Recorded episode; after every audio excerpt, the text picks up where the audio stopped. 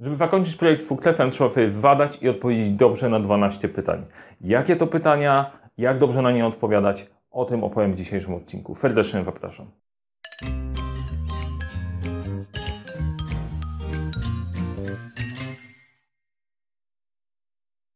Cześć, nazywam się Mariusz Kapówka. Uczę jak rozpocząć i kończyć z Fuklefem projekty w świecie, w którym brakuje czasu, brakuje zasobów, za to nigdy nie brakuje problemów i pomagam te problemy rozwiązywać, dopasowując narzędzia i procesy do indywidualnych potrzeb. Dzisiaj opowiem Ci o 12 pytaniach, o mojej metodzie KIF-PM.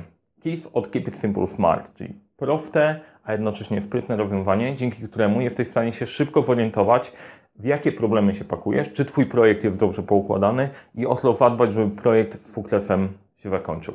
Jeżeli interesuje Cię temat zarządzania projektami, to zasubskrybuj ten kanał. Jeżeli spodoba Ci się ten filmik, łapka w górę, w górę będzie mile widziana. A teraz przechodzimy do tematu. Jakie 12 pytań musisz sobie zadać? Tworzenie każdego projektu jest jak budowanie domu. Jeżeli masz solidny fundament, jesteś w stanie na tym postawić ściany, które się utrzymają. Jeżeli fundament jest taki sobie, da się coś na tym zbudować, ale dużo więcej energii poświęcasz na to, żeby te ściany stały, jest dużo większe ryzyko, że nie utrzymasz ich do końca. Jakie są te 12 pytań i skąd one się wzięły?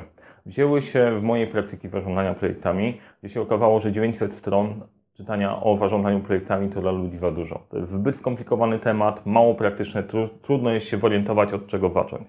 Natomiast jeżeli zadasz sobie te pytania, to w miarę szybko wiesz, to nie do końca trybi. Pierwsze pytanie, fundamentalne, dlaczego w ogóle zaczynasz ten projekt? Skąd się wziął? Skąd się wziął pomysł na to? Czy to jest jakiś konkretny problem, czy po prostu rozwiązujemy nagłe natchnienie prewefa, bo akurat się pojawiło? Im bardziej konkretne, im bardziej namacalne, im bardziej bolesne, tym lepszy fundament dla całego projektu. Im bardziej takie na zasadzie fajnie by było, gdyby, tym te projekty są gorsze. Kolejne pytanie, Pytanie po co? O konkretny cel. Dobra, mamy jakiś problem do rozwiązania, ale co my z tym chcemy zrobić? Jaka jest nasza wizja końca, dokąd zmierzamy całym zespołem? Po co to ważne? No po to, że jeżeli zespół się gdzieś zgubi, to żeby mógł spojrzeć, aha, idziemy w tamtym kierunku i odpowiednio się poukładać po drodze. Trzecie, bardzo istotne pytanie, to jest pytanie dla kogo? Pytanie o kluczowe osoby, które mają wpływ na projekt albo na które projekt może wpłynąć projektów nie robimy w próżni, robimy je w pewnym systemie, w którym ludzie na nas wpływają. Jeżeli pominiesz te osoby, może się okazać, że dochodzi do słabych sytuacji. Mój ulubiony przykład to jest obwodnica Augustowa. Pewnie znasz sytuację z mediów, ale tak przybliżając, taka miejscowość Augustów, przez którą przejeżdżały ciężarówki. To był problem dla mieszkańców, bo to było niebezpieczne. Był problem też dla kierowców ciężarówek, bo wydłużało im czas przejazdu. Więc Jakie padło rozwiązanie? Zbudujmy obwodnicę. Tylko okazało się, że istnieje grupa dosyć wpływowa, ekolodzy, którzy wpłynęli na to, że zbudowanie tej obwodnicy nie było takie proste. To należało uwzględnić, zmodyfikować cel tak, żeby uwzględniać też grupy, które mają wpływ na projekt i określać ich kryteria. Po czym poznasz, że projekt zakończy się Fuklefem. To jest czwarte pytanie. Każdy z tych interesariuszy, każda z tych osób ma konkretne oczekiwania odnośnie projektu. I one bardzo często nie są dokładnie takie same.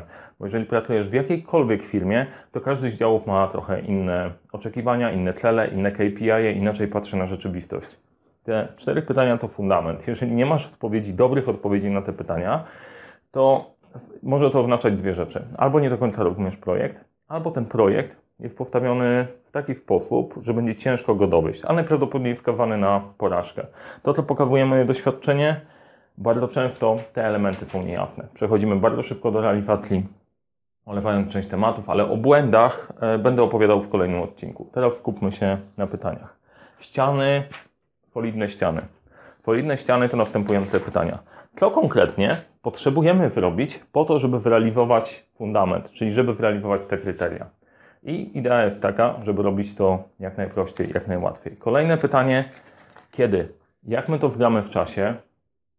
Czy ustawimy jakiś harmonogram, czy jakiś inny sposób dowożenia, żeby była jasność, kiedy wyangażować poszczególne osoby. Za ile?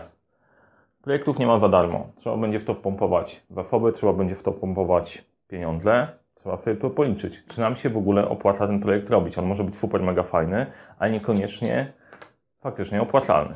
Kolejne pytanie, to już ósme, które wpina nam dom, to jest kto dopilnuje? Sprawia, że ściany trzymają się razem. Jeżeli nie masz osób odpowiedzialnych za konkretne elementy zakresu, projekt się nie zadzieje. I wreszcie, żeby nam nie kapało do domku, mamy dwa pytania ukryte pod ryzykiem. Co może nam pójść nie tak, co może Ci szczególnie pomóc. Czyli jakie są zagrożenia, jakie są szanse. E, wiele osób nawet nie dochodzi do tego tematu, natomiast jeżeli zaczniesz to robić, to zobaczysz, jakie są totalne plusy. Nie ma się tu bać zagrożeń. Zagrożenia są po to, żeby działać. Szanse są po to, żeby je sensownie wykorzystać. Tylko trzeba zaplanować to w projekcie, uwzględnić to w zakresie. I to byłby domek, ale ten domek sam z siebie nie powstanie. Jedenaste pytanie to jest, jak będziemy monitorować postępy w budowie i działaniu dalej.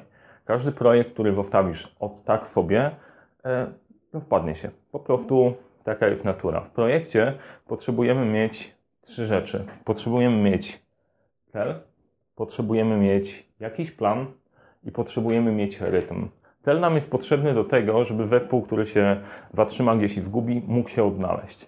Plan po to, że jak pracujemy z zespołem, żeby ludzie potrafili się synchronizować i działać razem w pewien ustalony sposób, a rytm jest potrzebny do tego, żebyśmy przyzwyczaili się, wpadli w nawyk pracy i dostarczania rezultatów. Natomiast każdy projekt może rozwalić zmiana. I zmiana działa w tym modelu w ten sposób, że im niżej domku dotknie, tym więcej elementów trzeba przebudować. Czyli jeżeli zmienią Ci osobę odpowiedzialną za projekt, to musisz zmienić osobę odpowiedzialną plus osoby, e, zmienić osobę odpowiedzialną, przejrzeć ryzyko, monitorowanie. Jeżeli zmiana będzie taka trywialna, całkiem życia, słuchaj, dostarczamy dokładnie to samo, tylko zmienił się główny klient. Główna osoba po stronie klienta może się okazać, że dużo elementów jest do przebudowania, bo ta osoba ma całkiem nową wizję. I to jest clue, to jest esencja tego, w jaki sposób podchodzić do projektów. Pytanie, czy dla każdego? Tak, dla każdego. Ale to strasznie dużo czasu trwa. Nie, to da się zrobić z 12 minut. E, ale po to mi to, to usztywnia całość. Bardzo często słyszę dokładnie takie pytania takie wymówki. Prawda jest taka, że trzeba się zmierzyć z rzeczywistością. Większość projektów jest niedoprecyzowanych. W większości projektów ludzie nie do końca wiedzą o co chodzi. I to nie wynika z jakiejś złej woli, tylko wynika z tego, jak pracujemy. Pracujemy w chaosie, przeładowani pracą, często nie mamy wystarczających danych, wpadają kolejne projekty i przestajemy się nad tym specjalnie zastanawiać. To, co warto zrobić, zatrzymać się na chwilę, sprawdzić, czy to wszystko ma sens i dopiero wtedy inwestować w to kilka miesięcy swojego życia. Więc jeżeli masz projekt, zadaj sobie 12 pytań, od razu będziesz widzieć, gdzie są słabe punkty i nad czym trzeba popracować. Jeżeli chcesz więcej poznać na temat tej metody, to w opisie do tego filmu znajdziesz link do newslettera, e, w którym wysyłam darmowy kurs o 12 pytaniach zgłębiających to, to bardziej. Będziesz dostawał ode mnie informacje co tydzień z nowymi materiałami, które przygotowujemy. Od czasu do czasu też specjalne oferty, które mamy dla naszej zamkniętej grupy. Więc jeżeli chcesz robić projekty w sensowny sposób, poukładać je, a jednocześnie nie utknąć w takich książkach na 900 stron, to serdecznie zapraszam. Mam nadzieję, że Ci się podobało. Dasz łapkę w górę, podzielisz się innymi, którzy, którzy tego potrzebują i pamiętaj, cokolwiek robisz, zawsze zacznij od 12 pytań.